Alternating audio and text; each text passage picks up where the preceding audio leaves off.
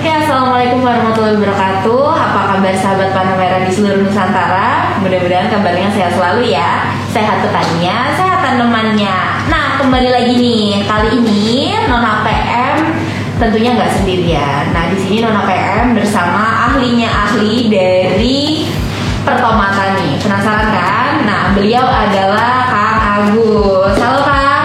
Halo Teh. Hai. Halo Teh. Halo. Halo teman-teman semua. Oke, karena kita eh, tentunya patuh terhadap protokol kesehatan ya Iya. Kang ya, maka dari itu kita menggunakan masker supaya Iya. aman juga ya Kang. Iya. Gitu. Oke, nah sebelumnya nih Kang, kita ini sebenarnya mau bahas apa sih Kang? Nah hari ini tuh di kesempatan yang Hmm. bagus ini cuacanya juga cerah di Purwakarta ya. Ini kita akan bahas salah satu tomat yang baru yang lagi in dari Savana Merah yaitu Hmm. Gustavi. Gustavi. Iya. Ya. Hmm. Nah, Gustavi ini apa sih Kang sebenarnya filosofinya tuh apa sih? Nah kalau Gustavi ini itu banyak banget Hmm. orang-orang tuh di lapangan yang menerjemahkan. Hmm. Gustavi itu apa sih? Ada yang bilang Agus tahan virus. Waduh, gagal fokus nih. Ini mentang-mentang si produk manajemennya si Agus gitu ya, jadi Agus tahan virus. Termasuk ini dari dapurnya. Ini yang bikin tomat Gustavi ini, ini memang namanya Oh. Pak Agus juga. Oke, Ya, jadi dia sering dibilang "Wah, Agus virus. Heeh. Tapi filosofi yang lainnya itu yang sudah di apa Hmm. dipatenkan katanya Iya. sama petani itu itu bagus tahan Oh virus. bagus tahan virus. Nah Ini mudah-mudahan ada B-nya ya depan. Iya, bagus tahan virus. Mudah-mudahan sesuai dengan namanya ya Kang ya. Iya. Gitu. Nah, tapi Kang sebelum kita mulai lebih lanjut lagi nih, kita akan sapa-sapa terlebih dahulu untuk sahabat-sahabat kita yang udah eh, gabung nih ya. Nah, yang pertama ini ada Bapak Erwin dari Bapak Erwin selamat bergabung Pak. Lalu selanjutnya ada Bapak Tommy, Bapak Fajar dari GTS dan juga eh, Bapak di saya ada Pak server ready banyak mantap promosi ya lalu selanjutnya ada Bapak Aji Kurniawan Bapak Tanto juga ada Bapak Ali Bapak eh, Ibu Lofi Troful Troful. Wah, Hmm. mudah-mudahan acara ini bisa eh, apa ya sedikit memberikan pencerahan ya Kang ya tentang Iya. apa sih eh, bagaimana cara nanam tomat yang Iya. sesuai dengan standarnya Iya, dan betul. juga kita juga eh, apa tuh namanya lebih kenal lagi lebih dalam tentang Gustavi. Oke. Oke, nah Kang Agus tadi kan sudah eh, bahas sedikit nih tentang filosofi dari Gustavi. Gustavi, ya. Nah Kang, sebenarnya kan seperti tadi yang ada yang komen nih Bapak Hanif nih, Hmm. eh, pertomatan di Ewindo ini kan banyak ya. Hmm. Ada Servo, ada Gustavi. Nah, pada kesempatan ini kita akan bahas tentang Gustavi. Gustavinya. Kalau Gustavi sendiri sebenarnya eh, keunggulannya itu apa sih Kang? Nah, kita kalau bicara keunggulan sebenarnya kembali lagi ke eh, apa yang nanam. Iya. Nanti yang nanam meskipun kita bisa deskripsikan keunggulannya A, B, C, D. Nah, Mhm. itu biasanya kita patenkan itu dari yang eh, nanam pengalaman dari petani. Oke. Nah, saya akan coba jelaskan bagaimana sih pengalaman dari petani Mhm. yang sudah merasakan nih menanam Gustavi keunggulannya apa aja. Mhm. Itu ada beberapa poin. Yang pertama itu dia tahan layu. Eh, Layunya tahan banget kalau misalkan petani itu banyak yang nanam di lahan sawah kan. Iya. Yang kedua itu dia tuh tahan virus jelas, Tahan virus. Yang ketiga itu dia fruit settingnya bagus. Wow. Jadi buahnya itu dari bawah sampai atas Mhm. itu udah oke lah jadi semua gitu ya fruit settingnya. Oke baik. Nanti kita simpan dulu ya kalau sampai 11 12 nanti pusing. Oke cukup tiga nih ya. Cukup tiga dulu. Oke kita coba untuk ngulik sedikit nih Kang. Nah jadi ada beberapa teman-teman tuh yang nanya nih eh, Hmm. sebenarnya tomat Gustavi itu indeterminate atau determinate sih? Determinate, ya. Oke determinate Hmm. ya gitu. Karena tomat Gustavi ini eh, bisa ditanam dari eh, apa daerah Eh, sebenarnya dari bawah sampai atas dia bisa ya. Hmm. Oke. Jadi kan kalau di kita tuh biasanya gini mendefinisikan tomat determinate Hmm. sama indeterminate itu yang lebih rajin dikira itu pakai bahasanya adalah tomat loren atau tomat Iya, HL betul. sebetulnya kan tomat kecil atau tomat besar gitu. Betul. Nah identiknya itu tomat determinate memang dengan tomat kecil, tomat lowland, medium. Iya. Kalau indeterminate tomat besar, tomat highland. Iya. Nah sebetulnya yang Hmm. terjadi adalah kalau tomat yang determinate Mhm. seperti Gustavi ini, ya adaptasinya tuh termasuk ke highland juga bisa. Oh, oke. di dataran tinggi. Mungkin di sini ada teman-teman yang di dataran tinggi. Mhm. mau coba Gustavi itu lebih bagus juga. Karena si gustapi ini dia dari segi apa karakter tanamannya karakter daunnya dia kan sedikit lebih tahan ya lebih Iya, tebal. Jadi tebal. dia lebih tahan sama ternaria sama apa namanya phytophthora juga bisa eh, lebih tahan ya. Jadi cocok lah kalau misalkan kita mau adaptasikan di dataran tinggi. Oke, pokoknya segala-gala aman lah ya Rang ya, mudah-mudahan ya, Nah, iya. insya Allah.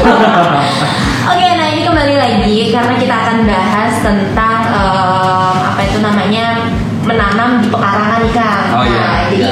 eh, banyak beberapa ibu-ibu nih yang nanam eh, nggak hanya sekarang nanam cabai, tapi Hmm. si ibu-ibu tuh nanam eh, Tomat. cabai, Tomat. tomat dan juga bawang. Alasannya sih simple, katanya supaya kalau nyambel enak, maksudnya nggak usah ribet-ribet harus beli di warung Iya, gitu kan. betul, betul. Nah, Kak, kalau misalnya untuk teknik budidaya dari em, apa itu namanya gustapi itu cukup mudah nggak sih, Kang? Justru itu, jadi eh, kenapa tadi saya bilang di apa di awal bahwa banyak eh, petani yang sudah menanam gustapi itu dia merasakan pengalaman yang luar biasa dari Iya. menanam si gustapi ya. Kalau saya bilang itu kayak misalkan kita analogikan begini, itu eh, user experience kita ketika menggunakan handphone, kita kan handphone ada banyak banget ya mereknya. Nah itu kan pasti beda-beda kan di tiap handphone tuh ada yang oke yang biasa aja, Iya. ada yang bagus. Nanti kalau kalau si Gustavi ini kita ibaratkan seperti itu, ini termasuk salah satu produk yang ketika kita mencoba kita tuh dapat user experience yang luar biasa bahkan dari sejak awal kita tanam Oke. misalkan dari sejak mulai kita semai Mhm. itu biasanya kan kalau misalkan eh, yang lain gitu ya tomat-tomat yang eh, biasa berada di pasar itu udah oh daya tumbuhnya kurang. Mhm. lama banget tumbuhnya nah Gustavi ini apalagi kalau misalkan Gustavi itu kan ada dua kemasan ya Iya. yang reguler sama yang Prime. nah yang prime itu dia dua hari tiga hari udah Langsung keluar ya kecambahnya Oke, gitu. Nah jadi terus ketika ditanam di awal misalkan kan apa vigornya juga pertumbuhannya udah kelihatan gitu. Nah itu kita bisa dapat user experience itu dari situ Oke. dan bahkan mulai dari situ. Wow, ternyata mudah ya Kang ya. Mudah banget. Gitu. Nah terus gini nih Kang, nah tadi kan sempat dibahas sedikit nih tentang eh, ada dua kemasan, ada prime dan juga ada yang eh, Reguler. reguler Hmm. biasa. Nah sebenarnya apa sih prime itu Kang? Nah priming itu seperti apa ya kita eh, menurut menaikkan apa eh, apa ya namanya tuh buat daya tumbuhnya itu loh. Oke. Jadi menaikkan eh, apa ya kita bahasa yang lebih gampang. Ibaratnya tuh kayak bayi udah diimunisasi gitu ya Kang. eh, kita udah kasih hormon dulu gitu lah. Ah. Seolah-olah kan seperti itu. Iya. Memang tidak seperti itu ya kalau misalkan ini. Cuman kayak misalkan gini, intinya kalau prime dan reguler itu, kalau yang reguler misalkan kita semaikan itu eh, tumbuh di lima hari. Nah kalau yang prime ini tuh kita short age. Nah itu jadi tiga hari itu udah bisa. Wah, berarti ini nggak hanya ibaratnya untung di petani ya kan yang langsung Iya. nanam, tapi juga ini ada eh, apa ya keuntungan tersendiri untuk si penyemai ya Kang ya. Iya, di penyemai Jadi beliau tidak usah perlu-perlu lagi untuk merendam Iya. atau eh, diperam gitu ya usah. Kang ya Itu langsung. peram itu nggak boleh, nggak boleh diperam karena kita men kalau kalau saya bukan di coating justru. Kalau kalau misalkan di nggak boleh dikasih tahu ya karena ini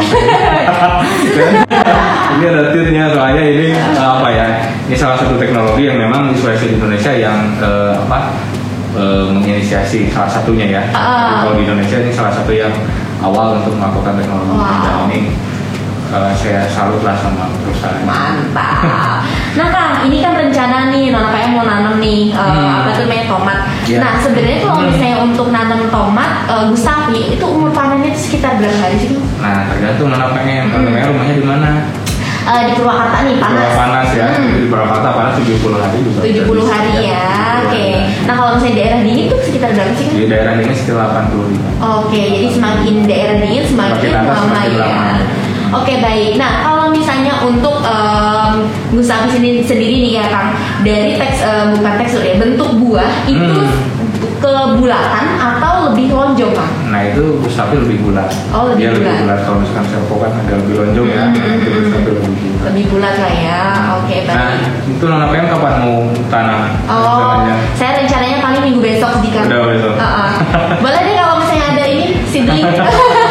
Itu mau tanam di apa? Di polybag? Iya di polybag. Nah jadi rencana ini Kang, ini PM mau nanam di polybag nih. Nah kalau Hmm. misalnya untuk kita kita nih yang nanam di pekarangan, Hmm, kayak itu kayak ini kata apa? Pak Fajar ya. Iya, benar. Ibu-ibu di mana katanya di Uh, uh, ya. Iya, nah kalau misalnya menanam di polybag itu polybag ukuran berapa sih Kang sebenarnya? Nah itu kan Rekomendasi. eh, itu kan ada yang besar ya, polybag itu yang 40 kali 50, Iya. ada yang 40 40 sebenarnya kalau kuncinya di polybag itu eh, yang sedang nggak usah yang terlalu besar ya, yang sedang itu mungkin yang ukuran 30 ke 30 lah. Oke. Cuma agak kecil kan itu eh, pasti bisa. Nah kuncinya kalau menanam di polybag itu Iya. sebetulnya bukan di ukuran polybagnya, Hmm. tapi dari medianya dan gimana nanti kita melakukan pemupukannya. Oke, nah terkait dengan media nih Kang, media tanam. Kalau rekomendasi dari Kang Agus sendiri itu apa sih Kang? Kalau misalkan media tanam sebenarnya tidak jauh berbeda dibandingkan dengan yang di lapangan. Nah, kalau Oke. misalkan polybag itu kan biasanya kita siapkan dulu ya tanahnya itu kita campur dulu nih. Kalau yang ideal biasanya tuh Iya. tanah terus mungkin ada pupuk kandangnya. Nah itu pupuk kandang mungkin beda-beda ya di tiap Iya, daerah ya. pemasaannya gitu. Cuman yang paling banyak digunakan adalah pupuk kandang ayam. Itu pun ada beberapa jenis kan. Cuman kita anggap aja lah pupuk kandang ayam. Ya. Kemudian yang ketiga tuh arang sekam. Oke, baik. Kebanyakan itu menggunakan kombinasi. Oke, jadi ada si tanah, eh, pupuk kandang dan juga sekam. Sekam. Sekam bakar ya. Oke, nih Kang kalau menurut Kang Agus sendiri nih, kalau misalnya pupuk kandang kan seperti Kang Agus tadi bilang di setiap wilayah beda-beda. Ya. Nah, Hmm. kalau misalnya menurut Kang Agus sendiri untuk pupuk kandang yang paling rekomendasi untuk menanam tuh pupuk kandang hewan apa sih Kang? Kalau di sini tuh banyak kan ya. Hmm. Jadi kita tergantung juga. Kalau misalkan musim yang kita hadapi adalah musim yang kemarau, Hmm. itu biasanya pakainya pupuk kandang dari eh, kambing. Oke. Nah kalau misalkan kita yang hadapi adalah musim hujan, itu yang di apa yang digunakan pupuk kandang ayam. Oke. Karena sifat dari pupuk kandang yang kambing itu kan dia menahan air ya. Oke, Kalau misalkan ayam dia tidak terlalu menahan air. Dan juga mungkin slow re- release ya Kang? Iya. Kalau kayaknya sih semua pupuk kandang slow release apa? Apalagi yang apa kambing kan bulat-bulat gitu. slow release. Enggak kalau itu kalau udah masak dia nggak boleh. Ya, gitu. Oke baik. Nah eh, itu dia nih apa tuh namanya tadi rekomendasi terkait dengan media. Nah ini terkait dengan perawatan nih Kang. Hmm. Jadi kalau misalnya tomat itu kan ada beberapa petani yang menanyakan apakah harus dirempel atau boleh tidak dirempel. Nah, Nah, gimana? ini gini, kita kan di eh, contoh orang PM ini mau nanamnya kan di polybag. Mm-mm. Setelah tadi menyiapkan media tanam yang itu, nah nanti setelah kita tanam, Mhm. eh, bagaimana nih mau dirempel apa enggak ya Iya. nantinya? Nah jadi gini, kalau misalkan di polybag pada prinsipnya Mm. unsur hara itu kan terbatas hanya di polybag itu aja. Iya. Jadi kalau misalkan di lapangan kan dia akar ke sana sini, Heeh. kalau di polybag cuma di situ. Artinya kita harus menghemat unsur hara gitu kan. Iya, betul. Nah kalau saran saya, kalau di polybag itu justru rempel aja. Meskipun Oke. tomat determinate biasanya petani itu nggak rempel. Nah kalau di polybag saran saya tuh dari cabang V ke atas ada cabang itu Mhm. rempel lagi, rempel lagi disisakan aja 10 sampai 12 tahun. Baik. Berarti rekomendasinya seperti itu ya Kang. Iya, karena kalau misalkan dia dari sini misalkan ada tunas lagi nggak kita rempel, itu buahnya juga kecil juga. Oke, Jadi mempengaruhi sih perkembangan dari buah itu Buahnya. tadi ya. Nah selanjutnya nih Kak, kan eh, eh, seperti kita ketahui lah untuk tanaman yang berbuah seperti tomat dan juga terong, terus Hmm. habis itu dan lain sebagainya itu kan rata-rata kita menggunakan turus atau ajir. Iya, ya kan? betul. Nah kalau menurut Agus sendiri nih untuk eh, pemberian pemasangan Hmm. ajir atau turus itu baiknya ham plus berapa sih Kang? Nah kalau di apa ya, kalau misalkan di tomat Mhm. itu jangan lebih dari H plus 20 Oke. Kalau misalkan di polybag juga ya, Heeh. itu jangan lebih dari H plus 20 lah gitu diusahakannya. Heeh. eh, di, nah terus sekarang juga teknik pemasangan terusnya nih. Heeh. Kalau biasanya kan kalau kita tanam di ini kita lagi bicarain full di polybag ya. Mm-hmm. Kalau kita tanam di polybag biasanya kan kalau misalkan tanam cabai, asumsinya kita udah satu terus aja gini gitu ya. Iya. Naik gini. Nah ini kalau di tomat itu nggak bisa. Mm, Gimana tuh? Karena nanti dia akan jatuh kan. nah kalau bisa nih ada triknya juga nanti pemasangan polybagnya disamakan aja seperti yang eh, di lahan. Misalkan Oke. jarak antar polybagnya kita atur di angka eh, 40 cm atau 50 Iya, cm. iya, iya. Nah nanti pemasangan aja juga dibuat silang gitu. Oke, jadi modifikasi yang di eh, Hmm. apa namanya di lahan konvensional untuk le- lebih ke lahan sempit ya. lebih gitu jadi sebetulnya kalau di polybag juga eh, jangan jangan pakai yang terus ke Lurus atas ya. terus lurus gitu artinya soalnya kalau Gustavi ini memang dia Hmm. kalau bahasa orang kerennya katanya dia tuh pro, prolific gitu ya Oh, jadi dia tuh lebat gitu nah Hmm. nantinya saya kalau misalkan terusnya begini Hmm. itu takutnya tuh nggak bisa menahan Oke, kan jadi harus ada tahanannya. Hmm, ya tapi kan buahnya banyak kayak Kang ya takutnya nggak bisa nahan lagi. Nah, karena uniknya Gustavi itu dia buah bawahnya besar, Heeh. Pemasakan itu buah atas sudah jadi kan. Hmm, Oke. Nah kalau untuk satu tanaman nih Kang, kira-kira bisa menghasilkan berapa kilo sih Kang? Tergantung eh, PM nanti mau memupuknya kayak gimana. Iya. Nah kalau maksimalnya nih ya Maksimalnya itu sapi yang sudah ditemukan itu, Hmm. itu bisa sampai 4 kilo. Wow. Itu, itu maksimal sudah ditemukan gitu kan, yang melaporkan. Iya iya iya. Cuman eh, karena memang kondisi sekarang juga kan di petani di lingkungan kita Hmm. serangan virus segala macam kalau misalkan dibandingkan komoditi eh, apa varietas yang lain Hmm. yang udah agak drop itu Gustavi masih di atas rata-rata. Oke, dia masih kalau rata-rata di petani sekitar 2 kilo 2 kilo setengah. Hmm. rata-ratanya seperti itu. Cuman beberapa petani dengan pengelolaan yang lebih baik dengan kondisi yang lebih bagus itu bisa sampai 3 sampai 5 kilo. Wah mantap ya, jadi 5 kilo dikali taruh 10 ribu deh kayak kemarin. Harga mahal ya wah udah lumayan. Nih. Gitu. gitu nah untuk ibu-ibu nih yang mau nanam tomat, nah sok atuh di apa namanya, diikuti terus acara ini Iya. sampai akhir karena kita Hmm. akan bagikan berbagai tips tentunya. Iya. Nah Kang Agus sebelumnya kita akan sapa-sapa terlebih dahulu nih Iya. untuk teman-teman yang udah hadir. Oke jadi ini ada Bapak Rizal Balandewa, selamat sore Pak. Lalu ini ada Bapak Tri Arjuna Barenita. Oke selamat sore Pak. Selanjutnya juga ada Ibu Alis, eh, panah merah selalu di hati. Iya. Wah saya lagi. Lalu selanjutnya ada Bapak Arike atau Ibu Arike nih. Arike selamat bergabung dan juga ada Bapak Ade selamat bergabung juga Pak.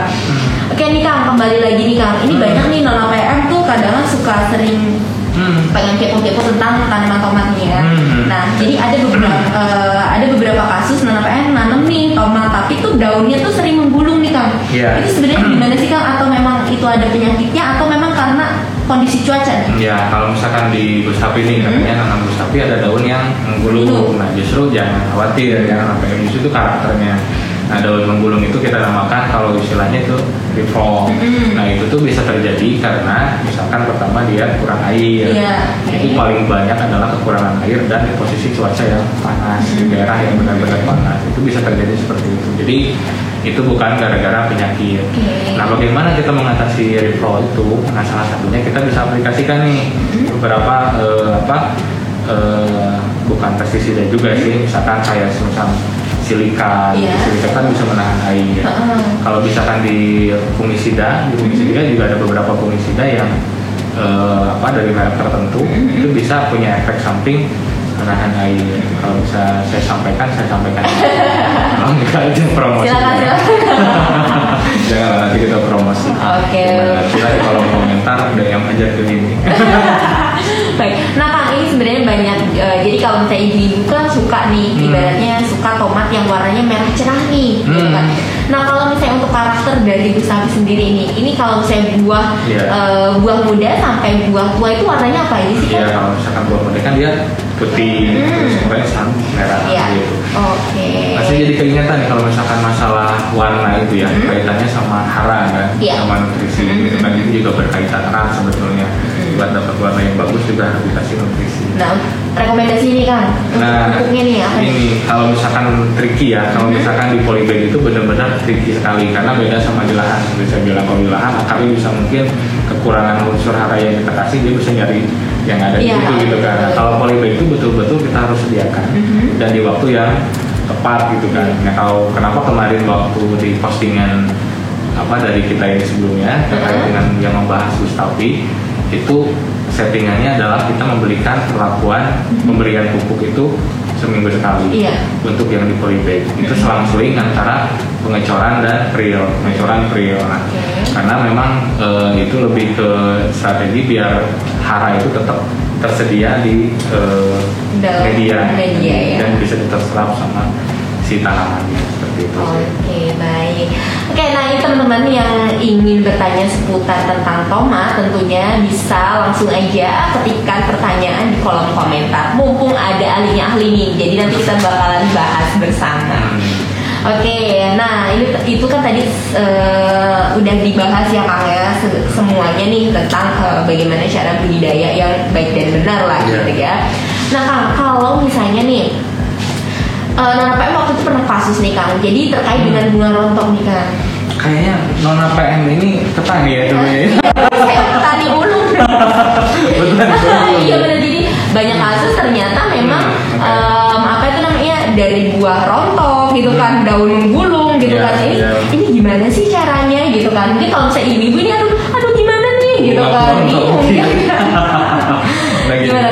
Nah, sebetulnya kayak salah satu kaitannya mungkin ada pemicu lain ya. Misalkan kalau misalkan karena apa, ada fitophthora juga bisa memicu bunga rontok sebetulnya gitu kan kalau terkena eh, penyakit itu.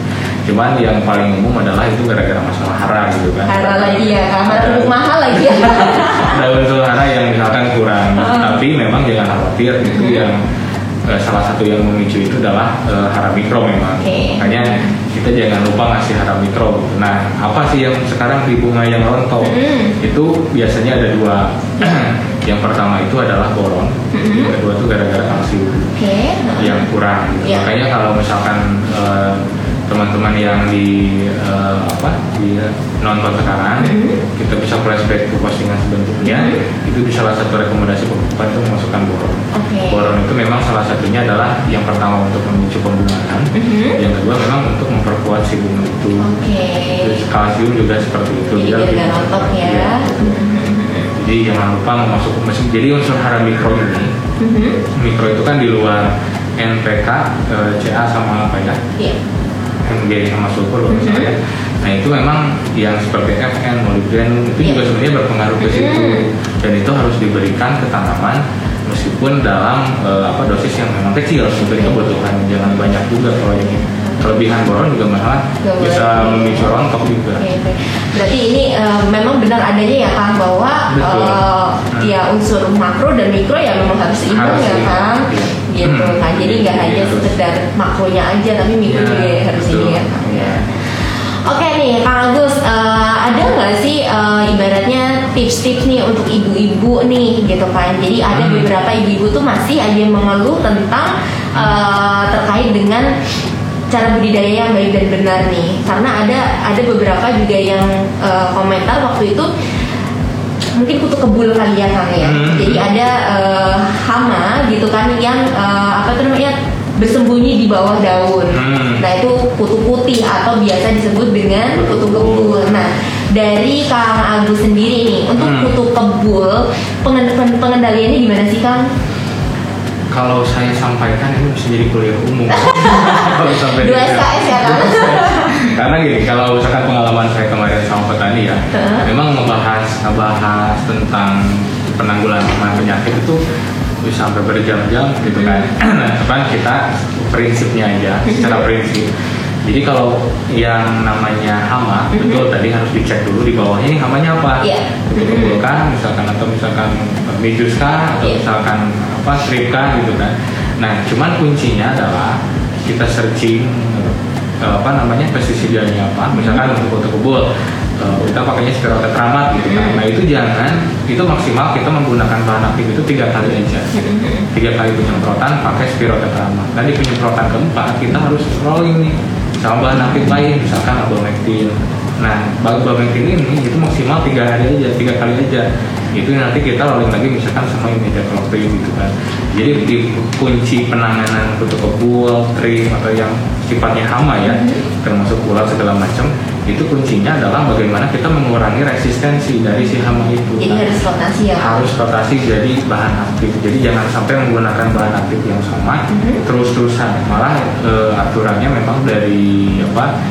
Dari pemerintah gitu kan salah satunya dan dari beberapa perusahaan pestisida juga itu maksimal tiga kali. Oke, nah Kang tadi kan Kang Agus sudah eh, menjelaskan tentang eh, pestisida nih terkait bahan aktif. Hmm. Nah Kang kalau misalnya kita nanam di pekarangan nih Kang, ada Oh, iya. rekomendasi nggak sih Kang? Karena kan nggak mungkin ya di pekarangan Iya. kita nyemprot racun gitu ya kan?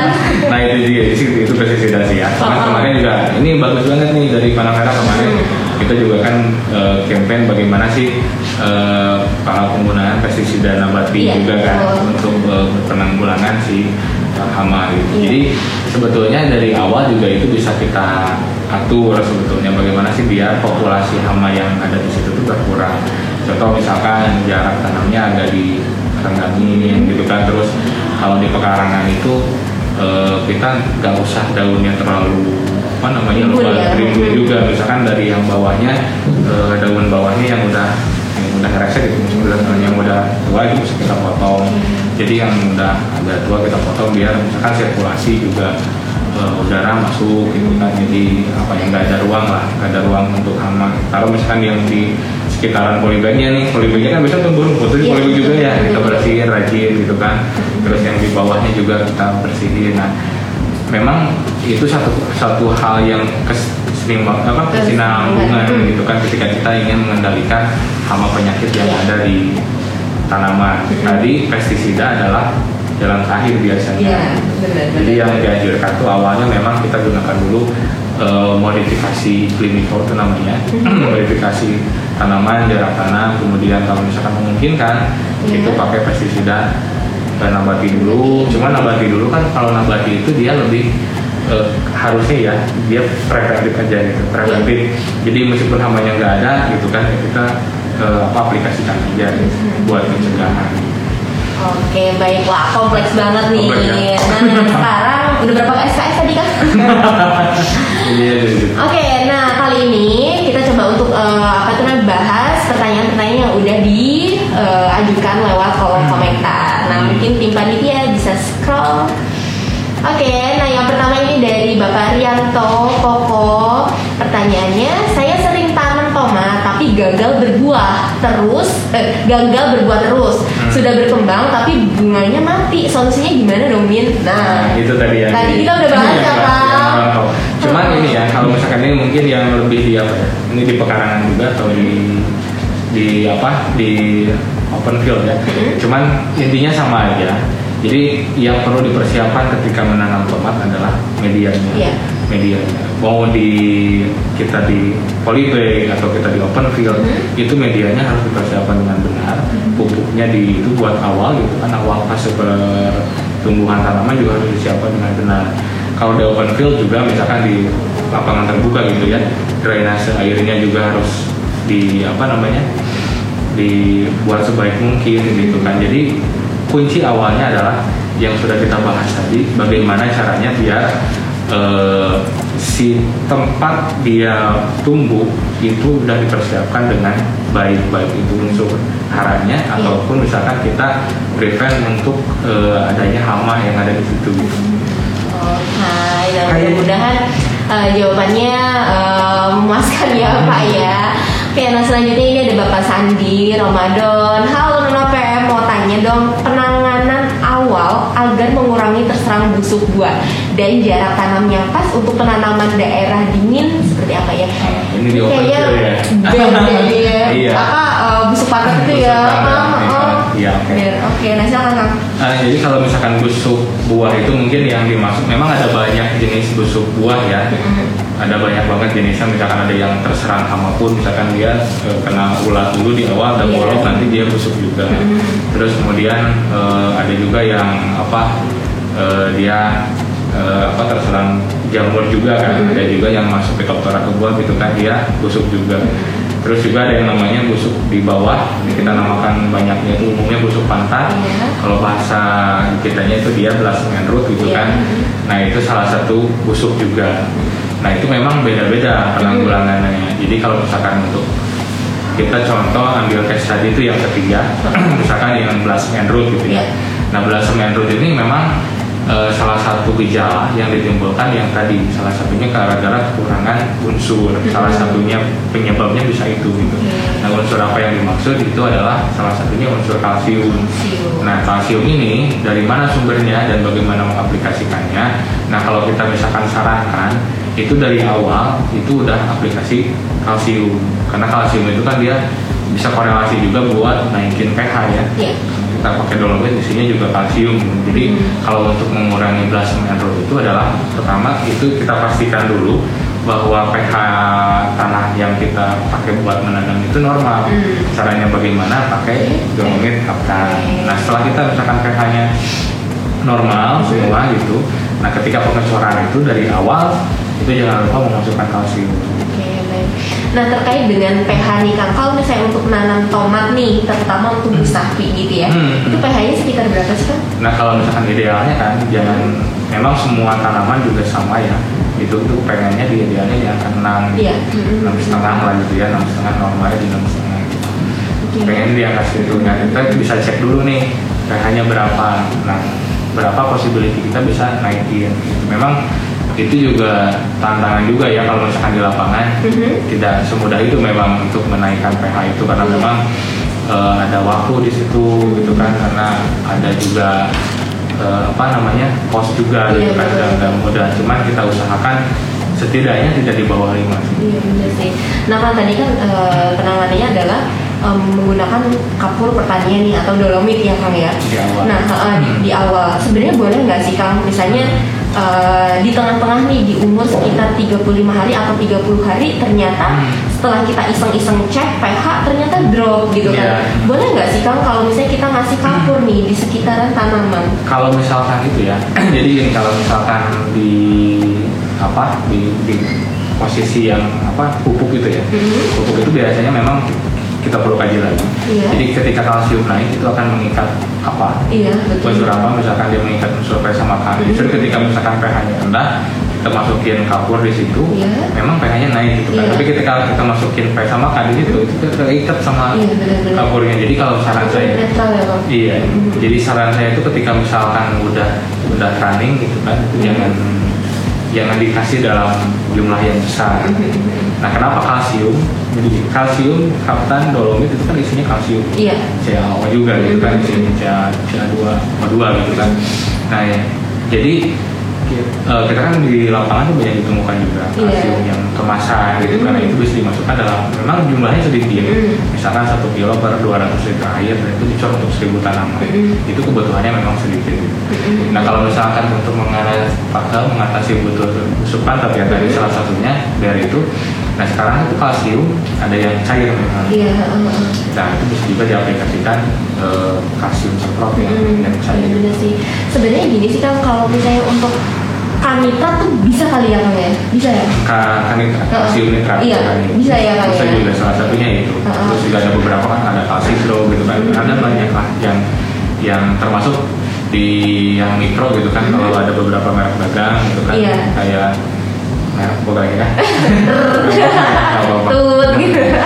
Ada banyak kok misalkan yang dia kandungannya tuh ada yang rumput laut tapi di bawahnya Iya. juga ada kalsium terus Oh. ada mangan ada apa gitu ya. Baik. Nah Kang, eh, kan tadi kita masih ini soalnya busuk pantat ini memang ini sih apa menarik gitu ya? menarik memang memang banyak kayaknya suaranya kecil Oh iya ya. saya yang kecil Nah jadi us- untuk busuk pantat atau bed itu benar-benar sangat menariknya untuk dibahas. Hmm. Nah jadi eh, kan tadi Kang Agus sudah bahas nih ini kalau penanggulannya diberikan kalsium gitu kan Iya, ya. iya. Ah, ah, nah untuk merek dagangnya terserah gitu ya Kang ya. Yang penting eh, bisa diaplikasikan. Nah sebenarnya kalau menurut Kang Agus sendiri itu Hmm. kan yang busuk itu kan buah ya Kang Iya. di bawah. Hmm. Apakah itu disemprot atau dikocor nih Kang? Nah justru gini, jadi kalau kalsium itu memang ada beberapa apa ya, beberapa cara dia buat masuk gitu kan. Mhm. Cuma tergantung jenis dari kalsiumnya. Ini memang masih bisa diperdebatkan ya namanya. Jadi ada yang bilang begini misalkan kalsium yang bentuknya serbu Mhm. Iya. itu lebih efektif kalau dikocor. Oke. Sedangkan untuk disemprotkan itu harus yang cair. Oke. Seperti ini memang masih kita masih memerlukan uji yang lebih jauh lagi. Jadi Mhm. ini, ini masih masih bisa diperdebatkan. Cuman kalau menurut ideal saya itu memang yang kebiasaan di petani kalsium yang serbu pun memang disemprot. Oh. Disemprot seperti itu. Cuman kalau saran saya pribadi dari hasil pengamatan saya Iya. itu kalsium yang apa serbu Mhm. memang dikocor Hmm. dia juga nanti bisa bisa masuk juga ke sel ke Hmm, tanaman ya iya. kan. Cuman yang untuk disemprot itu idealnya memang yang cair. Oke, jadi Cair. bisa eh, kita harus meng- menggunakan dua aplikasi ya Kang ya, Iya. menerapkan dua aplikasi Hmm. disemprot ataupun dikocor ya Kang. Iya betul. Jadi biar tepat sasaran ibaratnya Salah seperti itu ya. Kang ya. Oke. Oke, clear sudah ya ini terkait dengan busuk pantat Ya mudah-mudahan ya. Oke, dari Bapak Afis Cenas. Nah, kiat-kiat tanam gustavi di musim hujan Kang nih gimana nih? Wah, cocok nih.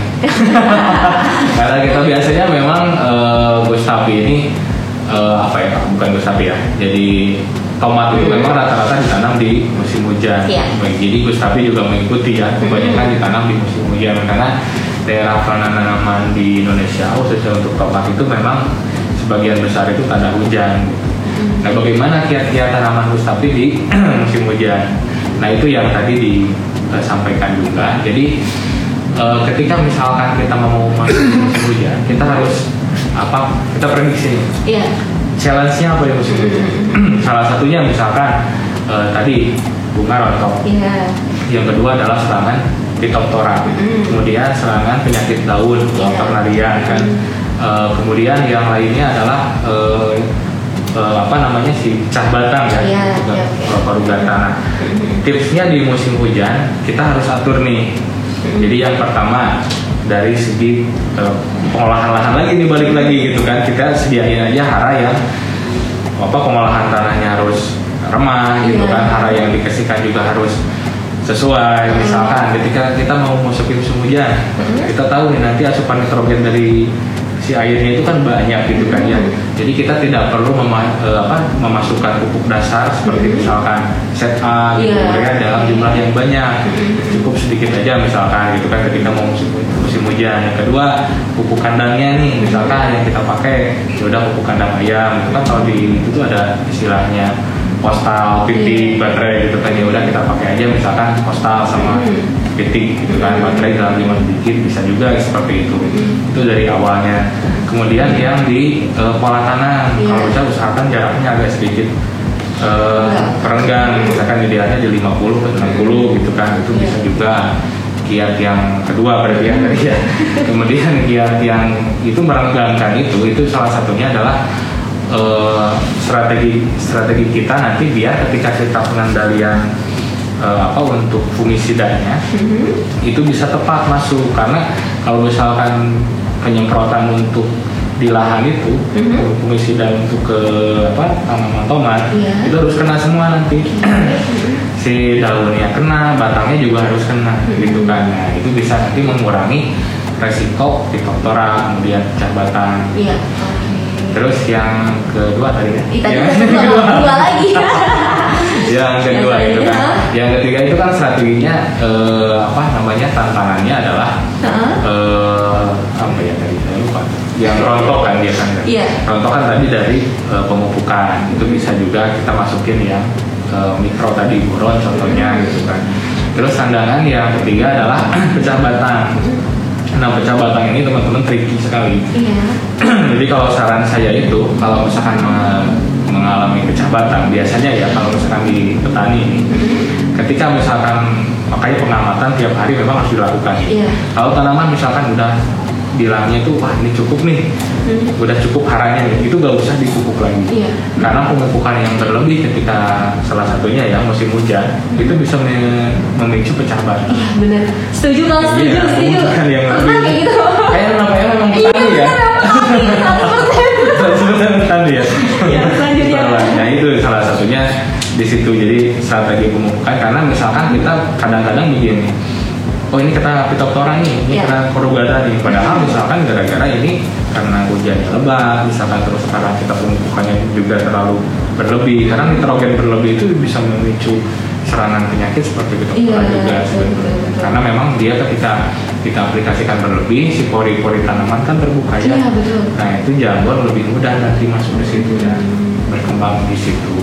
Iya benar. Itu yang harus diperhatikan sih dari modifikasinya. modifikasi lahan. Setuju sih kang. Iya. Banyak setuju ya? Iya, setuju, setuju. Mantap, mantap. Oke, nah selanjutnya ini ada pertanyaan dari Bapak Rizal Baladewa. Eh, pertanyaannya adalah hama apa yang rentan jika daun bolong-bolong dan cara tergampang seperti apa untuk membasmi hama pemakan daun? Ulat kali ya kang? Kalau bolong-bolong itu kebanyakan ulat ya. Oh, iya. Bukan kebanyakan itu dari ulat memang. ya. Bukan ya, itu ulatnya biasanya kalau di tomat memang nih. Ah, Tomat jadi hal yang menakutkan juga ya si ulat ini gitu. Mm. Karena dia kalau misalkan kecil tomatnya dia serang daun gitu Iya. kan. Kalau misalkan udah mulai ada tomatnya udah mulai berbuah gitu ya, dia juga serang buahnya. Nah, itu nanti bisa memicunya kayak busuk juga nih si buahnya gara-gara misalkan dimakan ulat waktu kecil, Iya, ulat iya. yang gede dia jadi busuk juga. Nah, nah, ini memang ulat ini salah satu yang hama yang mau tidak mau ini harus kita kendalikan Iya, gitu. Nah, mengendalikannya seperti apa? Hmm. Kita harus tahu dulu nih kayak populasinya dulu ada berapa gitu kan kalau misalkan di lahan wah ini udah mulai nggak terkendali nih gitu kan ini baru kita gunakan insek misalkan Mm. kalau misalkan masih sedikit ada satu dua aja sih ketemuin nah itu Iya. Bisa pakai namanya sarcet Oh gitu. bisa sar pencet Oh iya. Pestisida lagi. Tapi kayaknya saya lebih setuju yang terakhir deh Kang Karena kalau nanam di pekarangan kan nggak terlalu banyak ya Iya, kalau di pekarangan. Oh tinggal kita lihat aja setiap hari Oh ini ada nih mangsanya loh Iya. Ini apa tadi istilahnya? Eh, sarcet Oh iya sarcet Terus asal sama pencet Iya benar Iya itu juga kalau kalau itu jadi gini kalau misalkan eh, ulat ya. Hmm. kita lihat aja misalkan kalau sebelum itu banyak kupu-kupu kan gitu. Iya iya karena kan dari kupu-kupu ya. Iya benar benar benar. biasanya sih gitu. Iya ini juga salah satu pengendalian. Makanya sih banyak juga kalau misalkan di open field tuh dia eh, yang mengendalikan telur gitu kan. Hmm. itu banyak banyak insektisida yang yang kita pakai buat mengendalikan telur hasilnya Iya ya. Untuk telur, telur, juga ya Kang ya kalau salah ya. gitu makanya. Nah ini kalau kayaknya sih memang penonton sekarang ini ini kebagi dua kedua kubu ya. Iya, iya. ada kubu open field sama kubu. Iya. kubu di GH gitu ya, GH gitu, di gitu ya. pekarangan nih cuman intinya sama itu pengendalian insek itu Mm-hmm. termasuk ulat salah satunya kalau misalkan memang populasinya belum terlalu besar Iya. utamanya buat yang di GH gitu ya. Itu itu aja. Sarcet aja ya. Sarcet aja. Saya Kalau misalkan- sih, oh, bener. Karena gini eh, insektisida ulat ini Heeh. ini salah satu pestis insek yang memang eh, apa berkembang cepat di, di dunia pestisida ya saya ngelihatnya. Itu banyak banyak produk baru yang bahan aktif baru yang yang bermunculan ya yang bagus juga. Dan itu memang memang cukup mahal juga ya. Iya, cukup mahal. Kalau untuk yang sasarannya ulat nih ya. Iya, betul. Sasaran ulat itu benar-benar yang sangat mahal. Karena memang salah satu yang sukar dikendalikan. Iya betul betul. Jadi saran saya sih kalau buat daerah-daerah baru Mhm. itu gunakan aja yang misalkan ya semacam misalkan emamectin, Mhm. emamectin benzoat itu untuk yang mengendalikan ulat. Malah misalkan yang sebelum itu Mhm. kalau misalkan pakai supermetrin itu masih bisa dikendalikan udah pakai itu aja. Jangan dulu naik ke emamectin gitu Iya misalkan. Kalau misalkan ulat tuh tricky. Jadi kalau misalkan teman-teman di daerah bukan sentra gitu kan Mhm. dan ulat misalkan ada satu dua masih bisa dikendalikan dengan pestisida yang eh, apa namanya di bawah kelasnya gitu ya secara secara kelas pestisida gitu itu gunakan aja gitu misalkan spermatin kan di bawah Mhm. terus sekarang eh, kayak apa metomil gitu Iya, kan di bawah itu pakai aja itu kalau misalkan udah agak terkendali baru naik ke emamectin tapi kayaknya memang ini sih kan kalau apa tomat nggak terlalu yang Hmm. eh, khawatir banget kenaan ulat ya kayaknya ya dibanding Ulah, iya. jagung sih ya sama Iya. cabai ya Pak. iya sih iya. cuma di Gitu beberapa daerah mungkin ada Ada ya, yang udah yang yang endemik ya. Endem endemik sih enggak kayaknya. Kalau endemik kayaknya buat virus ya. Astaga, ya benar-benar Iya, iya. itu mendingan sarcet apa Hmm. Oh ya, saya balik lagi ke yang tadi. Ah, ah. Eh, ini tantangan tomat di musim hujan itu kan layu ya. Ini Mm-mm. pertanyaan dari siapa ya? Yang minta tadi untuk eh, apa di musim hujan sama Ah, sekarang. oh iya. Jadi gini, memang saya kembali lagi ke situ. Jadi layu itu memang salah satu yang mengerikan tomat ya. Jadi kadang-kadang di petani itu gini, ini jelek ya, mendingan kena virus daripada kena layu. Karena virus ada buahnya, Ah, ah. jadi udah mati total gitu kan. Iya, betul. Nah, layu itu memang salah satu yang mengerikan. Nah, untuk Gustavi sendiri ini unik ya, yang uniknya Gustavi ini justru kuat banget sama layu Kuat banget sama layu. Jadi kalau misalkan teman-teman ada yang tanamnya di sawah, Mhm. tanam tomat tapi di lahan sawah, itu recommended banget pakai Gustavi. Oke. Cuman tapi bukan berarti misalkan gara-gara ini Gustavi tahan layu nih, Hmm. gak usah dibedengin lah gitu kan, gak usah kan bedenginnya dikit aja. Cuman enggak.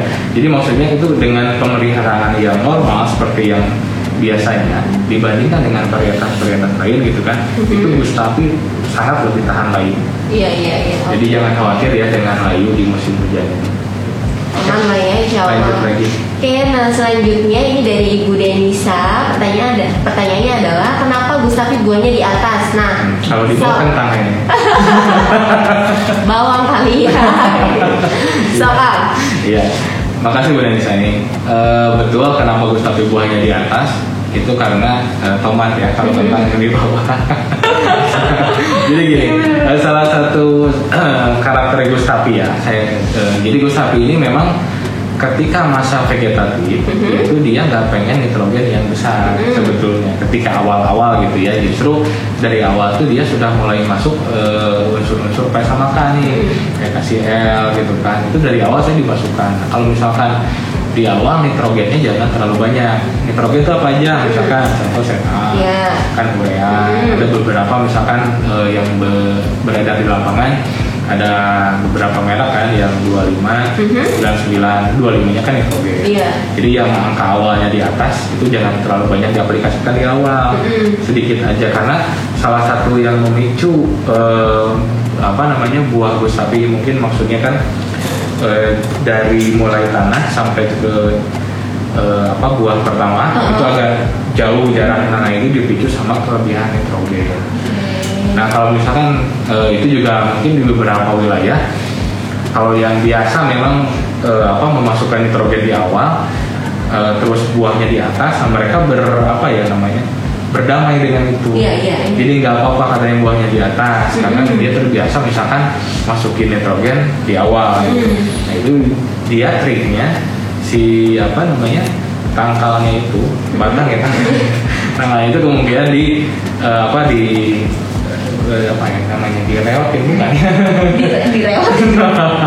jadi misalkan gini ini kan atas nih Heeh. ini tanah misalkan ya ini ke atas ini Oh, Oke. Nah, biar dia pendek ke bawah, ini Dirundukkan. Dia dirundukkan, Iya, dia di- dirundukkan. Jadi kalau bahasa Sundanya eh, di apa ya? Kalau di Sunda tuh bilangnya Apa? waktu penalian itu, kita tali itu di ituin satu. Jadi dia melorotkan ke bawah. Oh gitu. Atau misalkan ada juga yang tanamnya dia tanam misalkan dibedakannya satu di tengah. Mhm. Jadi dia satu satu apa namanya satu lubang di tengah itu dia taruh dua tomat, Hmm. dua tanah tomat, kemudian dia tarik ke pinggir. Oh oke oke. pinggir oke, gitu kan. oke. Jadi kan di bawah juga gitu. Mhm. Jadi ada beberapa petani memang yang eh, karakter seperti itu karena memang kebiasaan menambahkan seperti Mhm. itu gitu kan akhirnya dia berdamai dengan itu. Oke. Ada juga cuma rekomendasi dari kita salah satunya adalah Gustav itu memang ketika di awal Iya.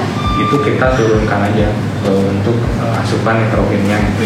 Ya, jadi yang lebih malah di awal tuh kasih aja yang seimbang. Oke baiklah. Nah itu ya Bu ya terjawab ya Bu.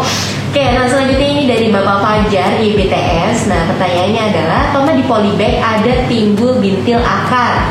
Pencegahannya gimana Kang? Apa bisa dengan pengendalian hayati? Ini bintil akar nggak hanya di ini ya Kang? Bukan iya betul di sih. tanaman apa tuh namanya? Iya ya. Jadi. Oh, betul sih, so. saya setuju nih. Jadi memang beberapa seperti misalkan, tapi ini tuh ada ada ada bisa dua kemungkinan ya. Itu bintang akar itu kan kebanyakan nematoda ya. Iya. Nematoda cuman ada juga yang yang bilang petani itu akar gada gitu kan. Mhm. Jadi ini memang masih masih apa ya masih perlu dikaji lebih lanjut Mhm. gitu kan. Kalau misalkan akar gada, memang populernya itu akar gada kan di tanaman brasika Iya, kan seperti itu. Mhm. Nah pengendalian misalkan yang yang memang yang populer itu pengendalian pakai pestisida kan seperti itu gitu kan termasuk nematoda juga pakai pestisida memang pengendaliannya itu kebanyakan seperti itu. Misalkan yang populer di lapangan buat akar gada itu ada yang namanya apa ya nebijin misalkan kan seperti itu. Nah itu eh, yang eh, pengendalian yang untuk nematoda memang dia lebih lebih tinggi lagi. Dia Iya, jadi iya. kelasnya lebih tinggi lagi untuk yang nematoda saya saya lupa bahan aktifnya. Kalau misalkan Uh-huh. saya bisa apa namanya bisa sebut merek ya salah satunya buat nematoda itu memang ada ada juga sih nanti bisa di bisa di searching Oke. salah satu contohnya boleh nggak sih Boleh. boleh ya salah satu misalnya pakai kalung Aduh. nah ini misalkan dengan pengendalian. Mahal itu kayaknya Kang. sangat mahal tapi bagus sih nah, salah satunya eh, buat pengendalian gitu Iya. nah pertanyaan dari Kang Fajar juga Uh-uh. apakah bisa dengan pengendalian hayati Hayati. Mm. saya sendiri eh, jujur memang belum pernah menguji ini Mhm. dengan misalkan memakai hayati gitu kan belum pernah gitu jadi untuk yang pastinya memang saya juga tidak bisa apa ya tidak bisa memberikan rekomendasi nih Kang Fajar gitu Iya. terkait masalah ini cuman ini pertanyaan yang bagus mudah-mudahan di ke depannya bisa jadi apa ya jadi jadi notice lah, kita notice lah untuk apakah bisa sih mengendalikan uh, bintil akar dengan pengendalian hati-hati. Iya.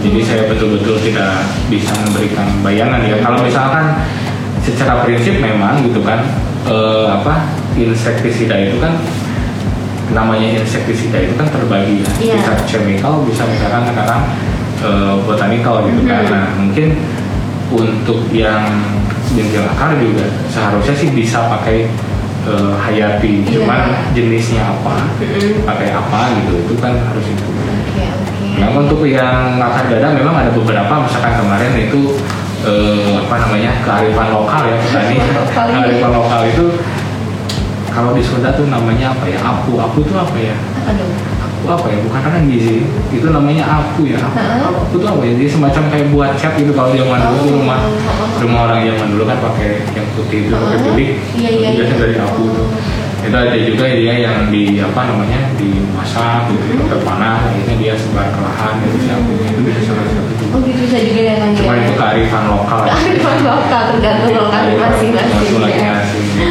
Oke mungkin itu dia Mas Fajar jawabannya. Lalu selanjutnya ini ada pertanyaan terakhir dari Bapak Rizal Baladewa. Pertanyaannya adalah apabila penanaman ag- penanaman agak terlambat, terlambat besar dari bagian batang itu di permasalahannya ada di mana ya? Maksudnya penanaman terlam oh jadi Oh, oke. mungkin maksudnya dia nggak ah, apa nggak normalnya kan Hmm. duduk-duduk Iya. ini kan ada ada terhambat dulu nih gitu. Hmm. nah ini juga eh, salah satu yang tricky ya ya. Ini tergantung kondisi cuaca tergantung kondisi ada di mana Mhm. eh, Kang Rizal cuman kalau misalkan kita ambil rata-rata biasanya yang kejadian seperti itu tuh banyak yang di dataran menengah ke bawah yang suhu rata-ratanya panas gitu Iya. kan. Itu biasanya di situ. Nah itu bisa juga karena faktor misalkan cengkraman memang cengkra- cengkraman suhu. Mhm. bisa juga gara-gara faktor air yang di bawah kurang misalkan. Jadi kurang kurang pasokan air. Bisa juga eh, karena gini kadang-kadang ada beberapa wilayah juga karena faktor eh, tanah. Misalkan tanahnya ini liat Mhm. dia tanah liat dari kecil dia berkembang makin gede misalkan tanamannya terus tanahnya pecah gitu kan karena karena kering gitu kan karena kekeringan. Itu kan menghambat pertumbuhan akar ya. Iya. nah kalau menghambat pertumbuhan akar dia juga bisa mengham- eh, apa, menghambat ke atasnya. Jadi untuk menghindari kejadian seperti ini misalkan tanaman yang dari kecil ke gedenya gitu kan Hmm. itu memang media tanam balik lagi yang pertama dia harus remah yang Iya. kedua misalkan pupuk kandang juga harus tersedia Heeh. yang ketiga unsur fosfat sudah tersedia di awal gitu. Karena salah satu fungsi dari fosfat itu dia adalah memicu Mhm. untuk perkembangan akar untuk ke batang gitu jadi PSP ya misalkan itu fosfat itu memang harus disediakan dari awal Oke, baik. Mungkin itu saja pertanyaan. Nah, ini ada satu lagi nih Kang dari Bapak Afis. Nah, eh, Kang tipsnya dong dan trik pemangkasan di tomat Gustavi. Nah, silakan Kang. Waduh, ini juga tricky juga ya ini tuh, jadi tricky ya. Kalau untuk tip yang pemangkasan tomat Gustavi, jadi tergantung eh, tujuan dari Kang Afi. Mm-mm. Jadi biasanya gini, eh, petani itu kalau di tomat tipe tipikal determine ya, itu ada yang misalkan eh, ya udahlah gitu kan, saya pokoknya ada satu harga gitu kan, kita biarin aja ukurannya ber- beragam tuh nanti kan disatuin juga. Iya. Cuman ada juga misalkan petani itu yang eh, saya pengen ya eh, buahnya memang eh, sedang lah gitu Iya. ya, sedang seragam, terus kemudian eh, nanti eh, perawatannya juga lebih mudah gitu. Ada juga yang seperti itu. Cuman dua-duanya ada plus minusnya. Iya. Kalau misalkan kita tunasnya kita biarkan, tunasnya kita biarkan, memang itu lebih mudah di apa namanya lebih murah di pemeliharaannya karena tidak ada tenaga kerja untuk Iya. memangkas itu kan. Mm-mm. Cuman nanti agak lebih di eh, penyemprotan pestisidanya kan lebih lebih tinggi lebih naik. Nah kalau ada juga yang misalkan itu tunasnya, tunas airnya dia potong, Iya. Dipotong, dipotong, dipotong. eh, jadi disisakan buahnya itu yang di cabang utamanya aja. Mhm. Jadi tunas-tunasnya dipotong, Mhm. sisakan buah yang di cabang utama. Itu bisa juga misalkan disediakan nih eh, sebelah kirinya, Mhm. sebelah kiri 5, sebelah kanan 5 jadi 10. Iya. Jadi di, di, di satu tanaman ini di 10 tandan aja gitu. Nah itu bisa juga seperti itu yang untuk pemangkasan. Cuman yang jelas kan batang yang di bawah, eh, tunas yang di bawah kan di dipangkas semua ya. Cuman ini ada ada dua, jadi saya itu lagi ada dua, ada yang enggak dipangkas dibiarin aja, Iya. ada yang juga dipangkas. Nah yang dipangkas nanti implikasinya ke mana? Dia buahnya lebih besar, Hmm. lebih seragam gitu kan. Eh, cuman memang jumlah buah sedikit tapi ukuran lebih banyak. Nah nanti tonasi akhirnya gimana nih? Gitu. Mhm. Apakah sama? Nah sebagian besar sih ada yang lebih tinggi yang Mhm. di tunasi Iya. ada yang misalkan lebih tinggi yang itu. Jadi eh, itu balik lagi ke bagaimana sih eh, di apa kita treatment di lapangannya gitu kan seperti itu. Malah ada juga yang itu pucuk atasnya tuh di di apa taruh bahasa itu ya dipotong ya Topping. topping ya Oh. dipot- di topping ada juga yang di topping misalkan tadi udah Heeh. disediain 10 tandan dia kan tetap naik lagi ya Hmm. itu dari topping aja Itu gimana kalau misalnya di topping tuh kalau menurut Kang sendiri bagus nggak sih? Rekomendasi nggak? nah itu tadi kalau menurut saya ya kalau misalkan kita tujuan awalnya memang sudah ingin menentukan bahwa kualitas jenis kualitas tomat yang pengen kita tentukan adalah sedang sedang Mhm.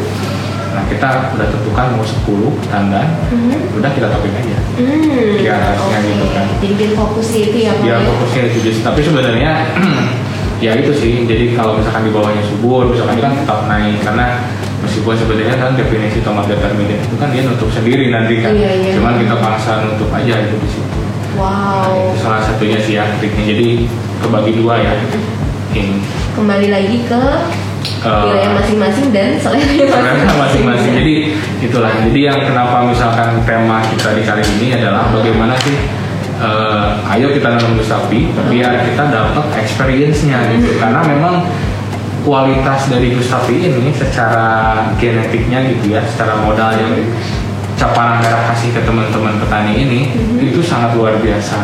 Nah, jadi silakan teman-teman petani yang di rumah Iya. dengan tadi mungkin ada beberapa catatan yang kita kasih eh, terkait trik-triknya nih menanam Gustavi gitu secara spesifik apa yang dia mau gitu kan apa yang kita mau.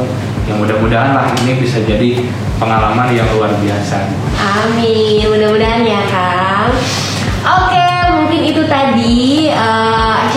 Live kita tentunya tentang tomat dan em, untuk para teman-teman yang ingin merekomendasikan nih eh, untuk tema berikutnya apa gitu kan. Nah, silahkan bisa request langsung inbox ke kami atau ketikan di kolom chat eh, IG Live ini gitu ya. Oke, Kang Agus, Ya, akhir sama-sama. kata saya Rani, eh, Nona PM dan juga Agus Kang Agus eh, mengucapkan terima kasih dan sampai jumpa.